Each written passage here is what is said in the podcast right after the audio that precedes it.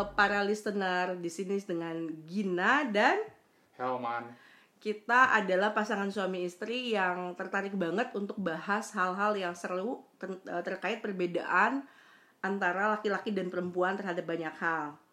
Tema besarnya sih kita mau bahas tentang Mars versus Venus ya. Hmm. Eh, eh, kita mau bahas tentang eh, ada kesadaran baru sebagai pasangan yang sudah menikah 14 tahun 14 tahun ya kita ya? 14 tahun terus kita kayak makin sadar kalau serumah walaupun hidup serumah hidup bersama penting banget sebagai individu itu kita tetap memaintain perbedaan-perbedaan supaya hidupnya tetap dynamic dan kenapa ini menjadi penting? Eh, karena tumbuh kembang individu itu yang kita rasa semakin hari kita semakin mengenal diri kita sendiri. Gitu yang ya? Oke. Nah, jadi kita pengen banget mempromote ke para listeners untuk don't worry to be different from your spouses. Jadi gak usah khawatir deh kalau kamu tuh beda sama pasangan kamu, karena itu sebetulnya yang seru. Itu yang mau kita coba eh, diskusikan ya, ya nggak? Terus eh, kita juga bakal eh, ngobrol tentang eh, apa aja sih yang perkembangan yang mutakhir yang ada saat ini untuk kita diskusikan dengan sudut pandang yang berbeda tentunya dan seru banget. Terus eh, kita juga bakal bahas tentang random questions dari teman-teman mungkin eh, seperti itu. Eh, kita mau mulai dengan tema yang mana dulu nih? Eh, pertama gue mau kritik dulu lu kalau mau nyebutin audiensnya itu listener, just listeners, nggak usah para listeners karena itu apa namanya eh, oksimoron istilahnya. Oke. Double itu satu. Terus yang kedua yang buat audience itu yes or no. Jadi kalau nanti listeners mungkin pengen eh, tahu komentar kita misalnya tentang buku, musik atau film yang kalian tonton atau apa menurut kita gimana nanti throw it aja di mana di di Twitter di IG belum kita set up juga ya. Iya, tapi belum, ya belum. eh, bisa via apa aja Instagram Twitter Twitter gue di Helman Taufani Instagram juga sama Facebook juga sama semuanya sama sih. Dan istri gue di Gina Priadini juga sama Twitternya juga kayak Gina Priadini kayak kita doang yang punya nama itu ya. Jadi cukup gampang ditemukan. Nanti di deskripsinya juga ada kalau mau dibaca. Oke. kayak gitu Seru banget nih, belum-belum udah banyak banget kan. Eh, setiap hari tuh seperti itu, kita selalu ngobrolin banyak sekali hal. hmm. Oke. Kayaknya semua orang di dunia ya nggak cuman kita doang lagi ngikutin perkembangan COVID dong. basi ya Basi banget kenapa ya. Hmm. Eh, cuman karena gini loh, eh, gini loh Pap. Kayak mulai ngeliat kayaknya ada yang salah sama cara kita mengkomunikasikan tentang statistiknya gitu. Mhm. Terus eh ya banyak aspek aja kok kayaknya tuh banyak banget kayak kritik di kepala itu sebenarnya kita tuh nggak yakin juga apakah kritik kita tuh bener apa enggak tapi kok kok makin kenapa informasi yang beredar itu bukan menjadi informasi yang membantu tetapi makin membingungkan gitu seperti itu sih Hmm. Tapi emang bukannya pengumuman pemerintah selalu begitu ya? Iya tapi kan kita ada di zaman di mana era informasi itu udah berevolusi menjadi seperti ini gitu masa kita mau pakai eh, cara komunikasi jadul gitu kan di mana sekarang flow of informasi itu banyak banget dan kita harus bisa milih Hmm. kayaknya eh, kemutakhiran dari cara pemerintah untuk mengkomunikasikan dan efektif tuh menjadi tantangan yang nyata gitu loh kalau enggak kan program-programnya mana bisa berjalan juga Emang policy statistiknya apa yang jadi concern lo? Ya sebenarnya gini ya, kan kalau dilihat data statistiknya tuh kalau gue melihatnya eh, dari hari ke hari nonton pemerintah melaporkan itu kok kayak sat- eh, apa aspek-aspek yang kita tuh nggak bisa kontrol secara individu atau secara komunal gitu ya. Kita nggak ngerti eh, bagaimana pemerintah tuh menjaring data statistiknya itu gitu. Karena kita juga nggak pernah tahu dari yang positif sekian puluh ribu itu sebetulnya berapa banyak yang dites Iya. gitu. Ya itu major fallacy-nya di situ sih. Karena datanya itu satu nggak represent jumlah populasi, artinya kita nggak bisa bandingin apakah eh, orang yang eh, positif itu adalah mewakili populasi enggak, karena itu mewakili orang yang dites yang jelas. Betul. Dan, dan satu hal yang jelas, yang sangat jelas adalah tesnya itu nggak massal. Jadi orang-orang itu masih clueless. Gue mau tes di mana, bentuk tesnya seperti apa, bayar atau enggak dan sebagainya gitu. Jadi memang eh, apa namanya ya dari data itu nggak bisa jadiin patokan juga bahwa peng, Betul. peng- eh, apa yang kena atau yang positif atau dipantau itu sekian puluh ribu artinya sekian persen dari populasi Indonesia belum tentu bisa jadi lebih banyak bisa jadi ya lebih banyak bisa Betul. jadi Karena kalau kita ngelihat di banyak negara ya, kadang-kadang perbandingan dari angka positif itu dibandingkan langsung dengan jumlah yang dites. Jumlah yang dirawat itu dibandingkan dengan jumlah ICU bed yang available gitu. Jadi ngerti nggak?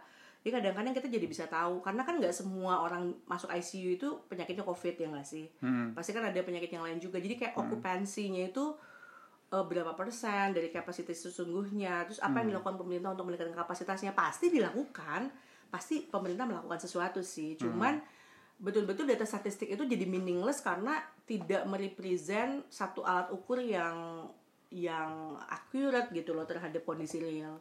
Kayak cuma dilaporin gitu aja naik terus gitu kan. Kayak seperti itu sih. Sebetulnya kalau dari gue bukan pemerintah aja sih yang yang apa eh, jadi korban dari policy ini. Tapi rata-rata masyarakat umum juga kayak gitu. Satu eh, buat gue yang mesti gue kritisi dan gue selalu pertanyakan adalah apakah covid ini sedemikian fatal sedemikian lethal oke ini menyebar begitu cepat tapi ya flu juga demikian. Mungkin ini alarm flu yang lebih ekstrim menyebarnya oke mungkin itu juga demikian. Jadi kayak etika-etika yang sebenarnya disarankan itu ya udah dari dulu memang harusnya begitu. Kalau lu nggak sehat dan sebagainya pakai masker sering-sering cuci tangan kumur bahkan disinfektan perilaku hidup bersih dan sebagainya gitu. Cuman ya part of statistik ini kesannya tuh kayak naik terus dan sebagainya gitu sehingga memang masyarakat jadi panik. Dan ya perilakunya juga apa ya apa apa karena kalau panik tuh mesti diambil di permukaan nggak sempet mikir nggak sempet apa. Jadi ya ya kayak ritual-ritual itu jadi kayak kayak kewajiban doang. Pakai masker iya tapi nggak ngerti esensinya apa. Cuci tangan iya tapi nggak ngerti esensinya apa. Ya akibatnya jadi kayak peraturan-peraturan yang lain. Kenapa sih lu pakai helm gitu? Ya supaya nggak ditilang gitu. Itu udah policy yang paling fatal. Jadi pakai masker juga sama. Ya, kenapa sih pakai masker? Ya karena diwajibkan. Karena bakal ketularan kalau nggak. Orang jadi ngindarin ke orang lain dan sebagainya gitu. Nah itu yang yang buat gue apa ya eh, perjalanan panjang edukasi mengenai menghadapi seperti ini memang masih masih dan itu banyak banget. dan itu adalah yang kita lihat di lingkungan sekitar kita kan. Belum lagi lingkungan yang di luar circle yang biasa kita lihat yang tetap berjubel di pasar iya yang bahkan udah nggak mempedulikan lagi dan mereka sebetulnya memiliki kerentanan yang sama aja gitu sama orang lain kan Iya, tapi pada akhirnya nanti akan muncul word of mouth tandingan juga. Let's say dari orang-orang yang di pasar itu, katakanlah ada berapa sih, 10 ribu gitu misalnya. Eh, dua orang atau apa, katakanlah memang dia bawa covid, tapi yang sisanya itu nggak nggak apa-apa. Dan sisanya nanti akan dengan bangga dia akan ngomong ke temannya, oh, gue nggak apa-apa kemarin ke pasar.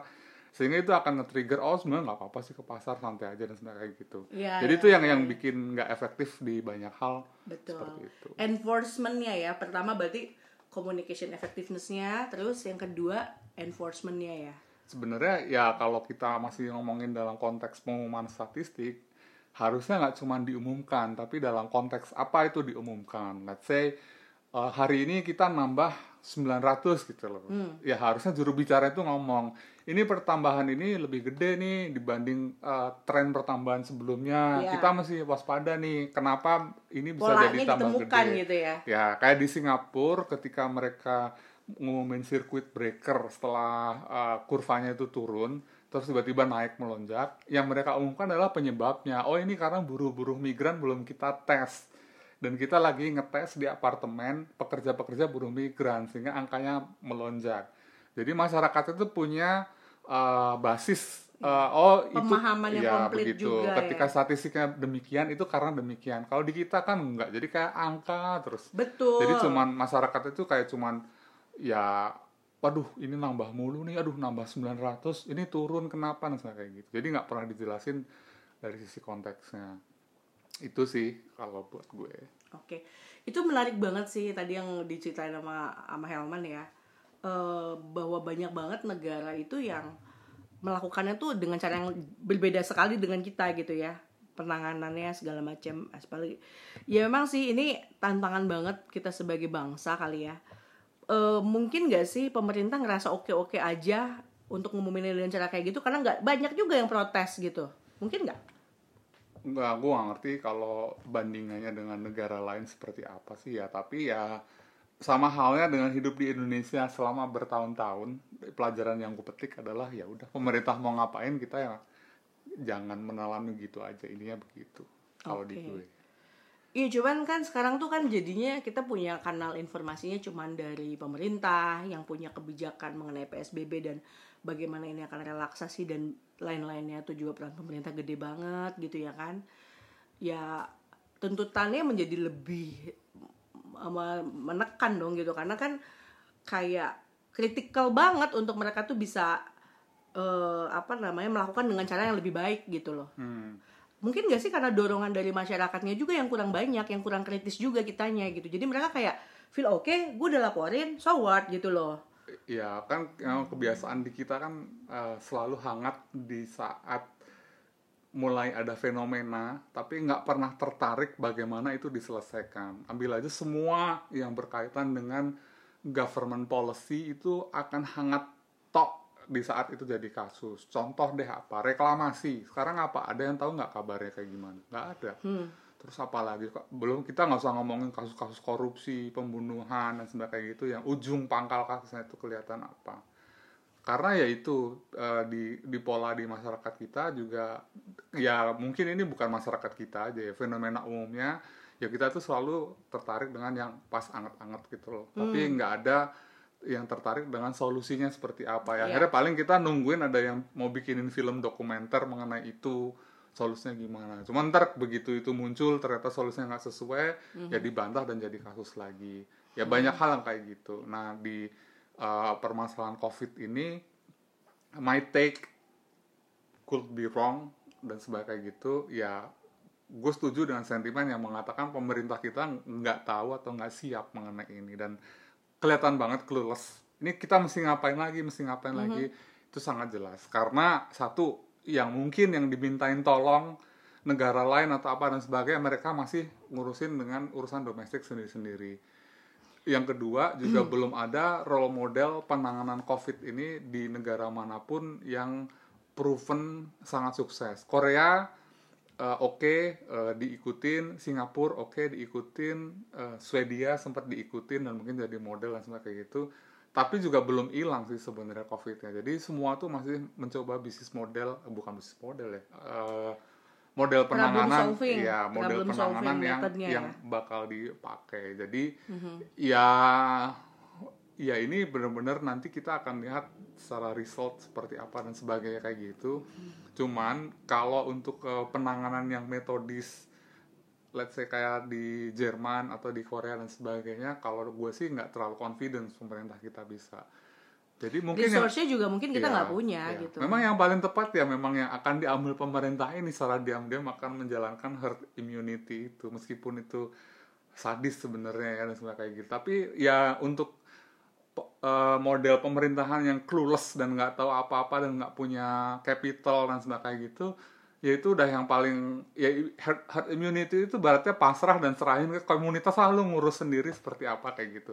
karena rakyat kita mungkin sebetulnya secara naluri memang udah keseringan begitu akhirnya ngurus sendiri sendiri ngurus apa-apa juga Iya. bisa sendiri gitu ya Ya Oke. ini jadi alarm aja sih. Eh, Oke Tapi- ini masih tapi masih masih dari- bencananya COVID gitu ya. Ya- Iya. Ya ket- ketok-ketok ya amit-amit misalnya bencana yang lebih gede seperti apa, handlingnya seperti apa Oke. itu itu jadi alarm aja buat kita nanti let's say di pemilu mendatang atau ketika kalian milih wakil rakyat eh, memilih eh, eksekutif dan sebagainya gitu eh, keep in mind aja eh, yang mungkin kita butuhkan adalah administrator dan problem solver bukan eh, populis atau apa kayak gitu. Sekarang I, I totally ya, agree sih betul-betul manajer banget yang dibutuhin untuk Iya. ngelola terus eh, lu mulai bisa melihat nggak sih polanya kalau Jawa Barat dengan Hah? Eh, lu mulai bisa ngelihat nggak sih dengan polanya tuh kalau Jawa Barat itu lebih proaktif Iya sih. Ya daerah-daerah pada akhirnya harus punya inisiatif sih. Yang gue lihat yang inisiatif dulu yang awal-awal itu Solo dan juga Jawa Barat. Terutama kalau Iya yang- cepet yang banget gitu ya kayak Iya. tiga hari sebelum habis masa dan, PSBB dan udah juga ada. DKI DKI udah di juga baseline juga data. juga Hmm. cepat karena mereka nggak ada pilihan nggak ada eh, apa kesempatan untuk ya itu tadi sama kayak pemerintah kita sih sebenarnya pemerintah kita clueless tapi nggak tahu mau nanya siapa akhirnya bisanya cuman nurutin WHO tapi nggak ada role model lain karena role model lain negara lain dan sebagainya itu mereka lagi ngurus dirinya sendiri. Oke. di daerah mau nanya pemerintah pusat juga pemerintah pusatnya lagi clueless. Akhirnya mereka ya mereka cari-cari literatur sendiri cari studi banding sendiri ke penanganan seperti apa. Akhirnya mereka terapkan sendiri Ini Banten by the way hari ini kita terakhir PSBB hari ini. Banten tuh paling nggak kelihatan sih Banten ngapain paling parah sih, paling sebenarnya ngapain diumumin klasternya Iya. di mana sebenarnya itu paling nggak kelihatan ya Iya, paling iya. Banten tuh cuman ya ngadain tes eh, dan sebagainya kayak gitu itu di mana juga pengumumannya nggak jelas tuh daerah yang menurut gua agak absurd dan kita lebih relate ke apa yang dilakukan sama DKI daripada di Banten sebagai warga Banten Iya. itu agak-agak aneh sih Oke, ini menarik banget ya bahwa apa apa yang bisa kita coba eh, intisarikan dari apa yang sudah dilakukan sama pemerintah kita gitu. Dan harapan-harapan kita sebagai bangsa gitu ya, anak bangsa gitu. Eh, harusnya sih kita bisa doing better banget nggak sih gitu untuk hal-hal kayak gini? Dari sisi komunikasi, dari sisi penanganan eh, apa namanya bencana, terus kayak eh, struktur komunikasi kali ya, struktur komunikasi itu harus dipikirkan banget. Menjadi isu yang sangat apa ya meresahkan sih kalau buat gue sih karena kayak masa sih mengkomunikasikannya seperti itu gitu loh kayak, kayak jadi kayak laporan cuaca gitu gue ngelihat laporan covid ini Iya dari dulu begitu kan. Cuman ya memang tadi ya learningnya dari gue hidup di Indonesia ini dan sebagainya gitu. Apa pun yang keluar dari pemerintah is not the final final decision. Lu mesti eh, apa namanya eh, mencernanya dulu dengan segala referensi dan sebagainya. Sebenarnya kejadian seperti apa sih? Dan ya nanti mengambil kesimpulan sendiri dan bertindak sendiri sesuai dengan logika aja. Dan itu ya udah terjadi lah dari pengumuman hasil pemilu dari apa pun itu dan sebagainya kayak gitu. Ya everything is the same. Kalau lu pengen denger dari satu versi ya udah so be it. Mungkin hidup lu uh, aman tentram dan sebagainya kayak gitu. Tapi akan selalu bergantung ke pemerintah atau ya lu tetap menghargai usaha pemerintah which is yang gue lakukan dan gue selama psbb ini gue appreciate juga gue nggak nggak nggak neko-neko dan sebagainya kayak gitu. Tapi ya uh, untuk- bener-bener ha- highly compliance banget lo ya selama psbb ya kan? Ya ya gitulah. Ya apa tapi tetap aja eh, kita harus kurius dan nggak bisa cuman diam aja sebenarnya apa yang terjadi tetap kita harus harus memelihara rasa kritis lah ke apa pun itu Ya, jadi kalau buat gue sih take-nya lebih ke kayak gini sih. Kita sebagai masyarakat itu jangan mengambil data statistik itu sebagai result. Tetapi itu sebagai alat bantu kita untuk bisa proaktif melakukan sesuatu gitu loh. Dan jadi kalau data statistiknya itu ha- hanya available seperti itu, ya apa yang bisa kita perbuat de- eh, dengan kapasitas yang kita punya untuk bisa mengelola resiko-resiko sekeliling kita? Mungkin itu ya kali ya. ya ya itu sekarang di era apa yang diglorifikasi sebagai era data semua harus bicara dengan data That's true. pada akhirnya orang juga terpukau dengan data. Gampangnya ketika ada angka, ini pengalaman gue juga sebagai marketer, apa pun yang kita sampaikan tuh harus ada angka gitu loh. Misalnya ngomongin mengenai penetrasi brand atau apa, ya udah berapa persen gitu, harus selalu dijustifikasi dengan angka. Meskipun kadang-kadang angkanya konyol, let's say 0,1 persen gitu, asal ada angka tuh kayak audiensnya udah puas gitu loh. Dibanding kita ngomong penetrasi kita tuh kecil banget, nggak ada apa-apanya dan nggak masuk apa-apa. Tapi ya audiensnya biasanya ya udah angkanya berapa 0,1 persen oh ya udah kayak gitu jadi Oke. ya ada dua sisi ya di satu sisi sebagai audiens kita kadang-kadang eh, apa namanya ya eh di satu di satu sisi kita sebagai sebagai presenter atau sebagai apa ya dengan kondisi audiens yang mudah terbuai dengan angka ya udah kita selalu sajikan dengan angka-angka. Karena mereka malas mendebat dengan angka. Soalnya itu tuh fakta kerasnya angkanya segini memang Iya. benar. Tapi konteksnya apa itu biasanya jarang di, diungkit. Ya ini yang yang sama dengan covid ini. Begitu orang dengar angka oh ya udah berarti ada 900 kasus baru 22.000 ribu kasus sekian yang Hmm. meninggal dan sebagainya jadi sobat statistik only gitu tapi Iya, nggak ada statistiknya tuh curiosity nggak untuk betul. Justru itu yang jadi lagi. keresahan kita kan sesungguhnya kan. Iya. Kenapa kita nggak bisa menemukan pola-pola kita? Kenapa kita nggak bisa menentukan uh, mekanisme prevention kita yang lebih efektif gitulah kenapa kita nggak bisa bikin simulation sendiri sebagai negara Iya, gitu nggak kan pernah dijelasin konteksnya. Kenapa Iya. ini nambah 900? Oh, karena kemarin kita nyelenggarain uh, tes massal yang nambah dua kali lipat dari sebelumnya. Jadi angkanya ini akan melonjak segini. Dan besok kita udah nggak ada tes ini, jadi kita akan lihat. Terus kenapa angka meninggalnya segini? Juga dijelasin juga karena capacity bed di rumah sakitnya udah nggak cukup dan sebagainya kayak gitu. Kenapa uh, antara ODP dan ini rasanya segini? Itu nggak pernah Iya, ada iya, ada iya, upaya iya, yang iya. menjelaskan. Jadi ya ya orang-orang ya cuman berpatokan ke angka itu. Wah sekarang udah 20.000 ribu nih bentar lagi kena nih ke kita. Dan sebagainya kayak gitu. Jadi parno yang nggak nggak reasonable lah Mhm. intinya. Ini seru banget ya emang kalau bahas covid-19 nih ampun nggak kelar-kelar. Tapi Ta- tapi gue bosen sih to be honest. Iya, dan sekarang tuh lagi ada kasus yang lebih menarik lagi lagi trending juga per hari ini. Eh, akhir Mei ini di Amerika kan ada kerusuhan rasial lagi tuh. Gara-gara Oh God. Apa orang kulit hitam yang ditangkap polisi dengan Ah. cara yang nggak brutal dan George meninggal. Floyd ya? yes. Oke. 2014 itu ada ada kerusuhan juga sempat yang sama kasusnya yang dulu eh, hashtag I can't breathe itu. Cuma kalau di trace back ke belakang ya emang masih sering banget sih eh, rusuh itu yang berlandaskan dengan kerusuhan rasial itu. Paling ya mungkin yang yang zaman gue kuliah dulu sempat ada sampai pembahasan yang itu mempengaruhi ke tata kota. Itu kerusuhan di Los Angeles tahun 91 kalau nggak salah atau 90 ya. 91 kalau nggak salah atau 92 eh, LA riot ya sama eh, polisi ngebunuh orang namanya Rodney King. Jadi itu rusuh gede banget. Dan ya problem ini nggak nggak belum selesai juga di Amerika. Sangat sedih juga sih. Karena kan kita eh, melihat Amerika tuh kayak role model ya karena banyaknya informasi yang datang dari sana tapi ternyata mereka nggak perfect juga dan ya justru permasalahannya malah makin banyak mungkin sebetulnya Ya, tapi eh, ada policy juga di sana kadang-kadang ya yang membuktikan itu sebenarnya root root eh, akar masalahnya tuh memang benar-benar di lapisan bawah banget. Orang bilang ya ini karena leadership eh, crisis yang sekarang ya. Cuman yang kerusuhan sebelumnya kan zaman Obama kejadiannya.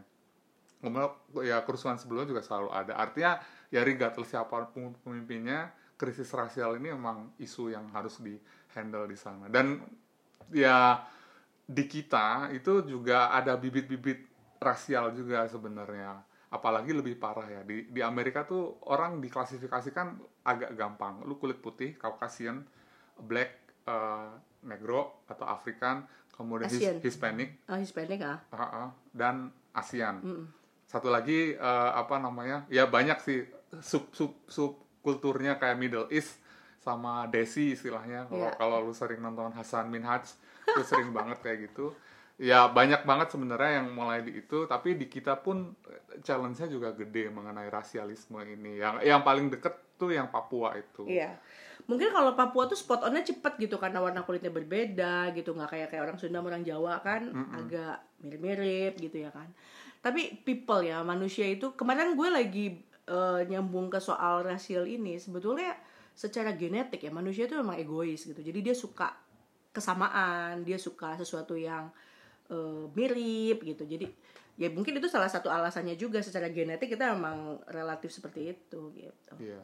Ya, tapi ya memang apa namanya? melihat kesamaan tuh eh, gampang ya kita, tapi menemukan perbedaan itu yang menemukan perbedaan, menerima dan Yes, get along with that, menerima perbedaan. ya kan? iya. Betul. Sebenarnya masyarakat kita itu secara rasial itu nggak terlalu yang yang bukan untung ya, tapi gue bicara sebagai gue sendiri sebagai orang Jawa. Salah satu uh, modal dari orang Jawa untuk nggak rasial itu uh, orang Jawa itu udah already minderan gitu. Jadi udah udah Hmm. already punya mental inlander banget dari dulu. Kalau sama bule itu amazed, apa kagum sama orang-orang yang kulit putih seneng gitu. Jadi ya dan bahkan sama apa orang-orang yang uh, afro kayak gitu yang badannya gede-gede juga amazed kayak gitu. Jadi kita orang Jawa tuh kalau bahasa Jawanya gumunan lah, gampang gampang Kaget. gampang amazed dan sebagainya kayak gitu. Jadi ya cuman memang masalah dari dari kita dari gue sendiri adalah yang paling gede itu stereotypical. Jadi Mhm. mungkin rasialnya bukan ke warna kulit ke apa tapi stereotypical. Kita udah ngejudge orang orang Batak keras, orang Padang pelit, orang apa lagi dan sebagainya. Orang Sunda malas. Orang Bisa. Sunda emang males ya? Ya stereotipikalnya kan seperti itu, laki-laki Sunda tuh malas gitu kan. Oh, kalau gue lihat lu sih mungkin nggak cuma laki-laki sih, tapi ya udah move on. Oke, jadi eh, kalau kayak gitu tuh semakin seru ya ngobrolnya tentang perbedaan. Nah, kebetulan gue kan orang Sunda, lo orang Jawa ya. Hmm. Apa kesulitan lo waktu pertama kali merasa sebagai orang Jawa dan entitas Jawanya eh, blend in dengan orang Sunda dengan kebiasaan orang Sunda nu yang ngocol melulu, ketawa-ketawa melulu gitu Ini ya kan. yang satu, gua nggak ngerti ini berlaku untuk semua orang Sunda atau enggak ya. Tapi orang Sunda atau lu lah kayak gitu. Tapi gua menemukan juga spesimen ini di beberapa kali di keluarga lu gitu ya, yang mana orang Sunda. Bahwa orang Sunda itu cenderung eh, posesif atau pengen mengakuisisi barang yang berharga itu cepet-cepet gitu. Kasus yang paling gampang pas makan sih gitu. Makan, kalau makan di sepiring gado-gado deh favorit lu apa? Misalnya telur gitu. Telur itu buat orang Sunda kan dimakan duluan. Sementara kalau orang Jawa tuh save the best for last. Telur dimakan terakhir. Itu itu perbedaan. Gue nggak tahu mungkin itu relate atau enggak. Nanti coba dicek aja mungkin listeners yang orang Sunda, orang Jawa. Jadi kayak gitu. Jadi Tapi itu bener sih berlaku untuk kita ya. Betul. Terus apa? Makan bubur gitu, makan bubur. Ya yang dimakan pertama kalau orang Sunda tuh yang menurut dia enak. Dan mereka tuh nggak sungkan-sungkan untuk nggak makan yang Enggak dia enak. Yes. yang Misalnya kacangnya nggak dimakan, jadi pas uh, di di apa sisa-sisa bubur tuh kacang-kacang doang gitu. Kalau orang Jawa itu kayak ada sungkan gitu. Dia harus makan semua dan habis. Makanya dia akan akan melakukan hal yang suffer dulu, yaitu makan yang dia Yang nggak suka nggak dulu. Itu dan yang suka sih itu jadi terakhir. Sama itu orang Jawa itu eh, nggak mau ngabisin last piece itu loh. Oh itu iya itu. Itu kalau jadi kalau ada gorengan. 10, tiba-tiba dimakan sama orang Jawa 8, tapi dia nggak akan nga- ngambil yang ke 10-nya gitu. Oh, iya. Misalnya orang Jawa makan 8, orang Sunda mak- makan cuma satu. Karena buat definisi orang Jawa itu, yang ngabisin itu bukan yang makan paling banyak, tapi yang makan terakhir. Iya. Dan itu aib loh, kalau makan yang terakhir, lu akan dicap, nih yang ngabisin siapa? Helman nih, gitu. Padahal gue cuma makan satu, gitu. Lu Iya, makan iya, delapan. iya, iya, iya. Tapi ya That's definisinya exactly. kayak gitu. Iya, iya, itu itu benar-benar kerasa banget waktu waktu kita tinggal di Surabaya ya. Iya. Kenapa sih nih setiap ada gorengan, martabak, pizza gitu kayak sisain satu-satu satu. Gue sebagai orang Sunda ya, gue nggak ngerasa bahwa itu eh aturan yang penting buat hidup gue gitu. Jadi seringnya gue yang habisin lah itu makanan gitu kan. Ini menarik banget sih tentang beda culture. Mungkin ini juga ya cara kita komunikasi. Tapi nggak sih, itu nggak mewakili rasial. Tapi terus terang kalau gue sama keluarga lo tuh yang paling membuat gue kesulitan itu karena komunikasi itu nggak nggak pernah terbuka gitu loh. Yang jadi kayak eh, kagok gitu kalau harus ngomong misalnya. Tapi kan yang lu bikin itu jelek misalnya. Eh just kayak kagok kalau mendefinisikan sesuatu tuh kira-kira bakal eh, menyakiti hati orang atau enggak atau Itu apa sih riku- kalau istilah pakai bahasa, wuh bahasa gitu. Inggrisnya tuh ada ya, apa? Awkward. Sugar coating. Sugar coating, Sugar yes. coating. Jadi kalau ngomong apa-apa tuh harus dijaga perasaannya. Itu itu ya itu itu apa namanya? eh, ya tadi kalau ngerut balik tuh mental inlander orang Jawa tuh Jawa itu sangat sangat sang- terutama Jawa di bagian tengah ya, Jawa Tengah, Jogja dan sebagainya kayak gitu tuh dari dulu tuh sangat dipengaruhi oleh kasta. Ini agak beda dengan Iya. orang di Jawa Timur yang cenderung lebih belak-belakan karena kepengaruh orang Madura yang lebih egaliter atau apa. Jadi kalau orang Jawa Tengah, Jogja, Solo tuh emang sangat menjaga perasaan karena ya itu dari dulu mereka udah ada kasta. Di atasnya ada eh, keturunan raja atau abdi Ah, dalam. iya, iya, Di atasnya raja ada lagi bosnya, company-company dan sebagainya gitu. Jadi kalau ngomong tuh hati-hati banget. Cuman memang eh, pengalaman gue kuliah di Solo, sebenarnya di di grassroots itu egaliter dan menyenangkan sih orang-orangnya. Jadi kalau di ya lucunya gitu sih. Mungkin kalau orang istilah orang Jawa candaan kuli lah kayak gitu. Itu tuh ya egal santai-santai aja ngomong ya.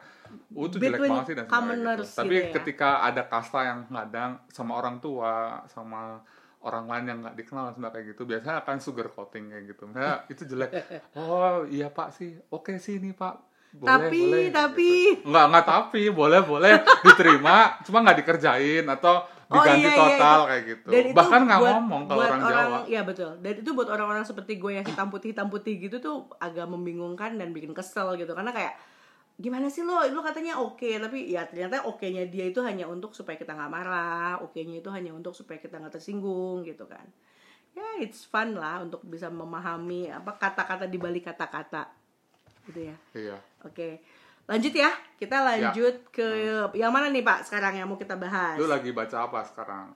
What's your reading section? Eh, gue lagi baca nih eh, gue lagi baca yang punyanya Seth Godin tentang eh, bahwa market itu tuh aneh dan sebetulnya eh, jadi gini bahwa tentang apa buku marketing dari Seth Godin gitu ya intinya mah dia cerita bahwa kalau lu punya satu vibrasi terhadap eh, satu brand brand lu punya vibrasi itu tuh sebetulnya eh, orang-orang itu akan selalu gimana ya kita tuh kalau kita transmit sesuatu itu bakal ada certain people yang menerima transmitting ini dan mereka itu akan bersama-sama mengamini gitu loh seperti itu. Jadi ini menariknya lebih ke gini sih bahwa era industrialisasi itu yang bikin suatu produk masif eh, bisa dipakai setengah dunia itu di era sekarang itu udah makin sulit. Hmm. karena orang-orang tuh semakin eh, punya pilihan dan pilihan itu sebetulnya secara eh, naluri manusia itu suka banget memilih gitu. Jadi dia suka banget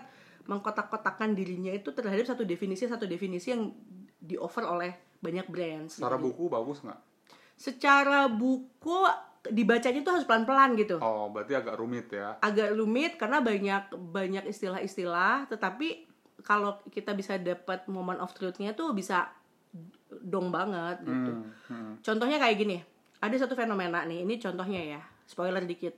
Ada satu fenomena yang dia bilang eh, ada satu kejadian eh, apa namanya zoo itu sepi, Ah, kebun binatang tuh Kebun sepi binatang. banget, sepi banget. Nah tiba-tiba ada satu momen si gajah itu melahirkan anak-anak gajah sehingga itu bisa menarik lagi pengunjung gitu. Oke, itu kan kalau dilihat dari kacamata bisnis, itu kayak seolah-olah ya lu kalau kita yang tadi loh, kalau kita terlalu fokus sama statistikalnya, kita akan ngelihat si fenomena peningkatan pendapatan ini karena ada gajah yang melahirkan. Nah, itu kan kalau disimpulkan secara defin, apa secara angka doang itu akan menjadi satu kesimpulan gitu ya bahwa oh dibikin aja lagi show yang binatang apa melahirkan sehingga punya anak untuk mendatangkan. Tapi the truth itu tuh nggak eh, kejadian kayak gitu tuh sulit banget diulang gitu loh. Jadi kita harus bisa menemukan momentum-momentum baru dengan eh, relevansinya yang saat itu ada gitu. Hmm, itu itu sih. itu ini kali ya apa uh, ketika lu mereplika itu akhirnya jadi gimmick dan orang jadi udah nggak ya, ori- original iya, lagi, mm, authenticity-nya iya, udah hilang gitu. iya. Oke. Nah itu itu yang lagi baca. Tapi itu rumit sih bukunya ya. Bukunya sih tipis banget. Hmm. Cuman gua kayak bacanya tuh gak kelar-kelar karena kayak banyak melamun ya gitu. Ini apa Hmm. ya maksudnya gitu sih. Si buku Seth Godin itu yang lagi terakhir dibaca itu Oke. seperti itu. Lo lagi baca apa ya? Kalau gua lagi baca buku Perang Padri, eh, tahu nggak lu Perang Padri? Tahu lah Oh, gua. gitu. Apa coba? Nggak tahu. Nggak tahu. Tapi gua tahu perang Padri itu perang umat Islam terhadap apa di Nusantara gitu loh. Di mana? Di mana? Di Aceh ya? Enggak, enggak. Di Padang, di Oh, di Minang, Padang. di Minang, di Minang. Oke. Jadi itu kalau mungkin listeners yang agak-agak lupa dengan pelajaran sejarah, itu yang jadi gue. latar dulu kalau kita mengenal pahlawan eh, Tuanku Imam Bonjol, Hmm. itu perang Padri. Dan eh, wacana ini sebenarnya eh, menarik untuk dibahas karena ini sebetulnya persinggungan pertama antara eh, konservatis agama dan liberal pada zaman kolonial. Jadi bukunya ditulis sama Muhammad Rajab, cukup tebel tapi menarik. Dan yang cuman bikin kesulitannya gue adalah ngapalin nama-nama orangnya tuh tipikal banget di sana tuanku nan renceh, tuanku siapa, guru apa gitu di Minang tuh sama. Jadi agak agak agak mengalami kesulitan ini siapa ini siapa ini siapa ini siapa. Oh, karena nggak beda yang nggak Ya. yang satu namanya Abdullah, yang satu Betul. namanya Insan gitu jadi misalnya. Oke. eh, eh, jadi eh, bagusnya buku ini dia ditulisnya tuh bener-bener naratif gitu cerita aja jadi kita ngikutin cerita aja kayak baca kayak didongengin kisah dan kayak gitu cuman ya da- jadi dapat konteks juga. Sebenarnya di situ tuh apa tuh apa sih yang terjadi? Bayangan gue dulu ketika belajar sejarah itu kayak perang Belanda ya kayak di Lord of the Ring gitu ya depan Iya. depan sepuluh ribu lawan sepuluh ribu terus battle. Ternyata enggak juga kayak gitu. Jadi lebih kayak skirmish battle. Artinya ya ya perang kayak kayak tawuran lah sebenarnya. Cuman memang i- latar ideologinya ini yang yang lebih menarik. Karena konservatif jadi orang-orang yang habis men, apa ya eh, menimba ilmu lah di Mekah dan sebagainya itu pulang terus bawa ajaran Islam yang lebih murni dan mereka keras banget dan bahkan nggak nggak sungkan-sungkan untuk membunuh. Mungkin ring the bell juga lu kayak yang terjadi sekarang ini ada ISIS ada apa dan sebagainya gitu. Nah gue juga baru tahu juga kalau Bonjol itu nama daerah jadi kayak benteng di di desa bukan benteng sih ya ya desa tapi dibentengin gitu dan itu jadi sentra eh, apa namanya Perlawanan. pengajaran Oh, sebenarnya pengajaran. pengajaran jadi yang orang mener- dia tinggal di desa dan menerapkan Islam secara konservatif dan Oke. sebagainya gitu dan itu akhirnya yang yang yang memicu dan menggulirkan jadi eh, apa eh, konflik yang sangat panjang di Minang sebenarnya jadi itu nggak selesai di zaman Imam Bonjol aja kalau kita dengar cerita Marah Rusli Hmm. inget nggak siapa sastrawan lah Iya yang nulis Siti Nurbaya. Heeh. Ya, kan dulu kita nonton Siti Nurbaya ya.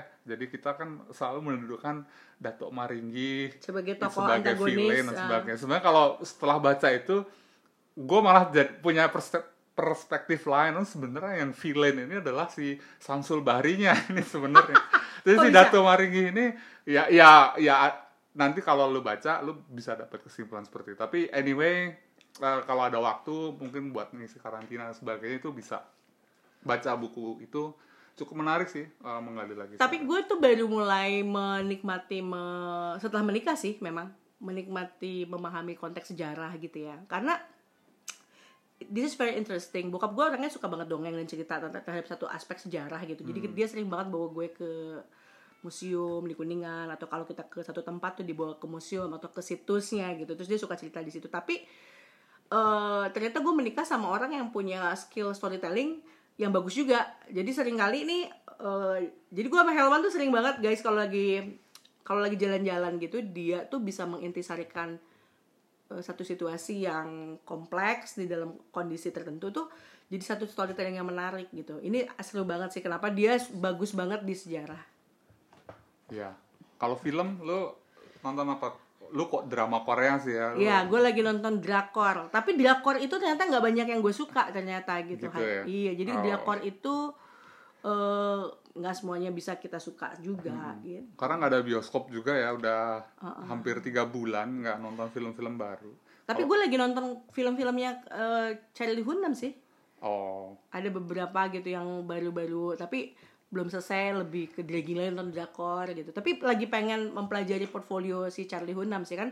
Kemarin kan kita sempet tuh mempelajari apa aja? eh yang apa yang Brad Pitt gitu ya nontonin yang Brad Pitt Oh, satu-satu nah Berarti ini sih dari dulu gue ngikutin. iya cuman kan Kalau gue Charlie Hunnam nggak apa gitu. aja?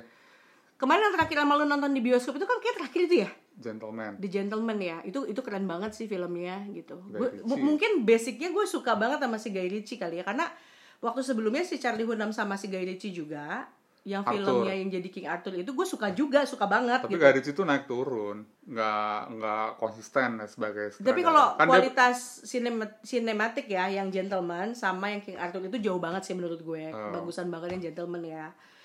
Karena faktor pemainnya juga, faktor plot ceritanya juga gitu loh. Gue suka banget sih gue masih Charlie Hunnam nih, menurut gue cakep banget aja sih gitu. Iya karena cakep ya. Heeh. Kalau gue sih lagi karena banyak Netflix, eh, nggak ke bioskop, nggak banyak nonton film feature. Gue banyak nonton dokumenter sebenarnya. Jadi pas di awal pandemi itu gue nonton Tiger King tuh. Ada 8 season, eh 8 episode. Unik banget tuh. Waktu itu gue pikir anjrit ini seru banget sih ini apa kisah.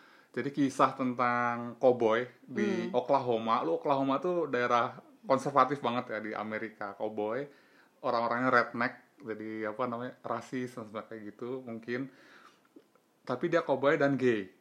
Uh, Terus dia punya eh, kebun binatang isinya harimau rata-rata. Jadi dia piara harimau banyak banget dan dijualin dan itu. Dan ya itu pokoknya seru banget dan cukup fenomenal. Kalau orangnya unik banget itu si Tiger King-nya itu. Oh, gue lupa. Joe Exotic namanya. oh I see. Terus yang konyol tuh karena di Amerika itu udah open demokrasi banget. Si Joe Exotic ini pernah nyalonin jadi presiden Oke. gagal terus dia nyalonin jadi gubernur Oklahoma Oke. dan gagal juga tapi itu kisahnya menarik Tiger King habis itu gue pikir itu oh ini terbaik banget nih dokumenter habis itu uh, nonton Patriot Act-nya Hasan Minhaj uh, Bing watching juga cukup menarik. Ya gua lu bilang gua nggak suka stand up comedy in particular way uh, Karena gue suka banget Ridwan Remin terus nggak pernah mau dengerin gitu. karena gue nonton Daily Show. Jadi Iya, Daily iya. Show tuh satir politik dari dulu dari zamannya Jon Stewart dan Hasan Minhaj ini alumninya Daily Show dan dia punya show sendiri ngomongin tentang politik sih dan gue seneng uh, Iya ya, gue juga suka sih Hasan Minhaj itu sejak dikenalin. Tapi ngomong-ngomong soal dokumenter ya, kayaknya lu memang punya punya tapi yang paling dahsyat ya ya, sama itu. dokumenter setelah gue pikir Tiger King itu inilah dokumenter gue terbaik di 2020 Ah. ternyata setelah gue nonton The Last Dance udah ini undisputed lah ini sport dokumenter paling sinting menurut gue karena niat banget bikinnya kemudian ya gue nggak tahu gimana mereka bisa dapat footage untuk semua yang mau Iya, mereka iya. ceritain. Dan ya sebagai penggemar olahraga gue tuh dulu pengem, eh, demen banget basket cuman turn off lama. So, nonton itu tuh kayak kayak membangkitkan lagi semua hal yang gue sukai dari basket. Dan Iya. dan musiknya juga underrated banget. Musiknya tuh keren-keren banget di dalamnya. Karena dia nggak cuma nampilin musik yang eh, tren pada masanya pada tahun 90-an karena ini ngomongin tentang Michael Jordan dan Bulls Dynasty tapi juga musiknya tuh kayak jadi pengantar backsound cerita yang bagus banget Tapi gue ngeliat ini sih di, di gue nonton juga Last Dance tapi belum selesai gitu ya. Ada beberapa kayak karakter dan jadi kayak yang gue suka dari dokumenter itu ya. Kadang-kadang kita melihat satu tokoh itu kayak utuh gitu loh.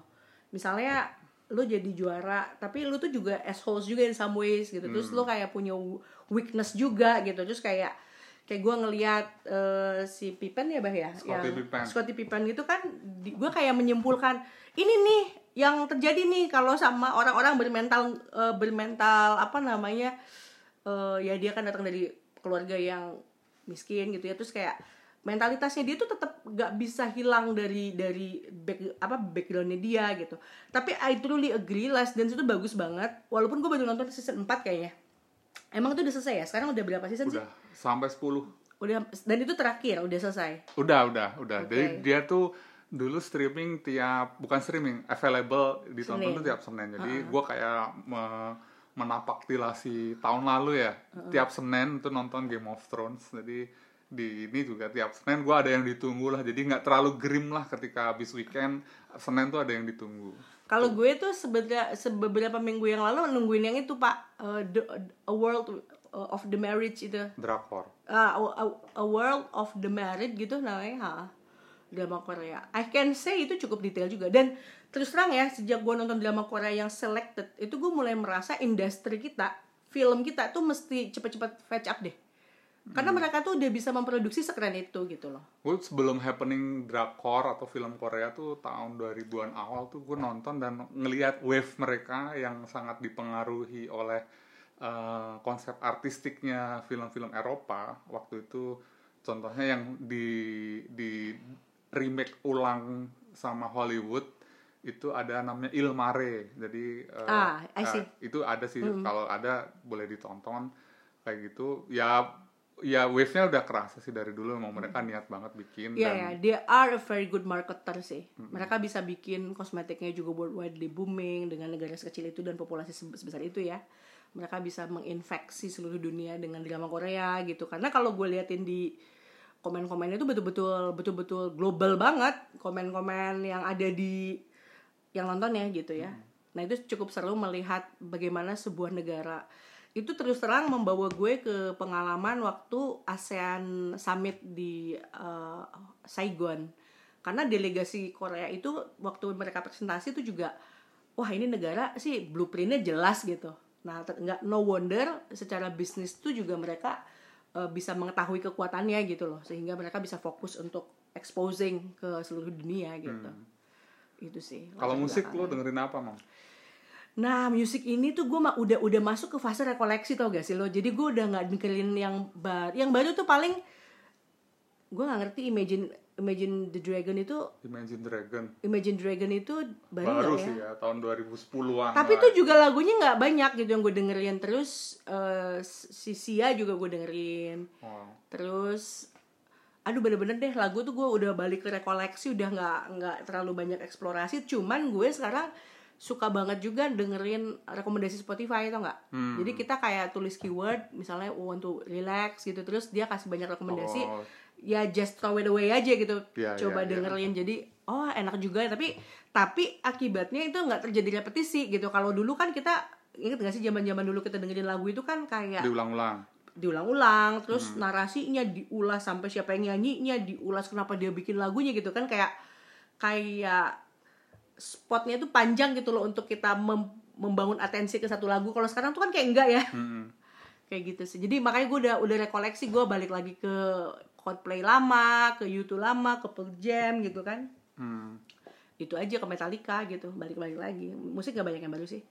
Kalau dari sisi lu seperti apa? Kalau gue kan hampir tiap hari gue nyusun playlist tuh buat lari, Hmm, buat apa. Tapi yang yang lagi seneng gue dengerin tuh, yang masih gue coba dengerin dan mencoba menemukan uh, bagusnya di mana itu Pearl Jam baru album baru itu Gigaton. bahkan gue belum dengerin sama sekali tau gak sih? Itu udah berapa ya? Terakhir sempet apa namanya kita adain video call sama anak-anak Pearl Jam Indonesia. Hmm, sampai sekarang pun ya belum berubah sih paling baru empat lagu atau apa yang gue suka.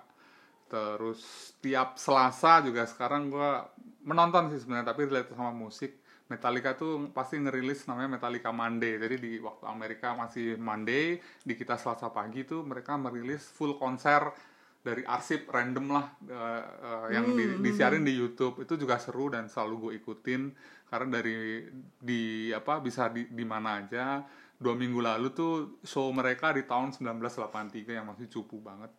Tapi ya buat eh, perjalanan sampai sekarang ya amazing aja sih ini tapi powernya tuh gila ya Metallica ya tuh powernya ini masih band tuh banget udah kan. dari tahun 1983 established sampai sekarang masih relevan itu bagus terus Mhm. ya paling itu sih kalau musik gue juga jarang jarang dengerin yang baru karena umur kita juga udah bukan umur yang nyerap lagi musik tapi ya eh, Last Dance soundtracknya godik juga sebelumnya juga karena oh ya ada satu film dokumenter juga yang asik tuh Beastie Boys dari Apple TV itu juga keren dan bikin gue dengerin lagi Beastie Boys. Jadi itu sih musik. Oh sama satu ini pak. Eh ada satu soundtrack ya yang gue dengerin semua dan gue suka semua. Dan itu baru eh Spider itu loh Spider-Man. Oh, Spider-Man to the Spider-Verse. Spider apa Spider-Verse itu itu bener-bener bagus banget sih lagunya yang Itu tahun 2018 kali. Oke, tapi Nggak, tapi bagus-bagus sih. maksudnya maksudnya gue dibandingkan dengan referensi gue yang lainnya tuh yang kayak masih tahun 2000-an awal Oh. gitu. Itu relatif baru dan itu gue hafal gitu lagu-lagunya tuh satu album gitu Ya, kan. itu oke itu. Bagus, bagus.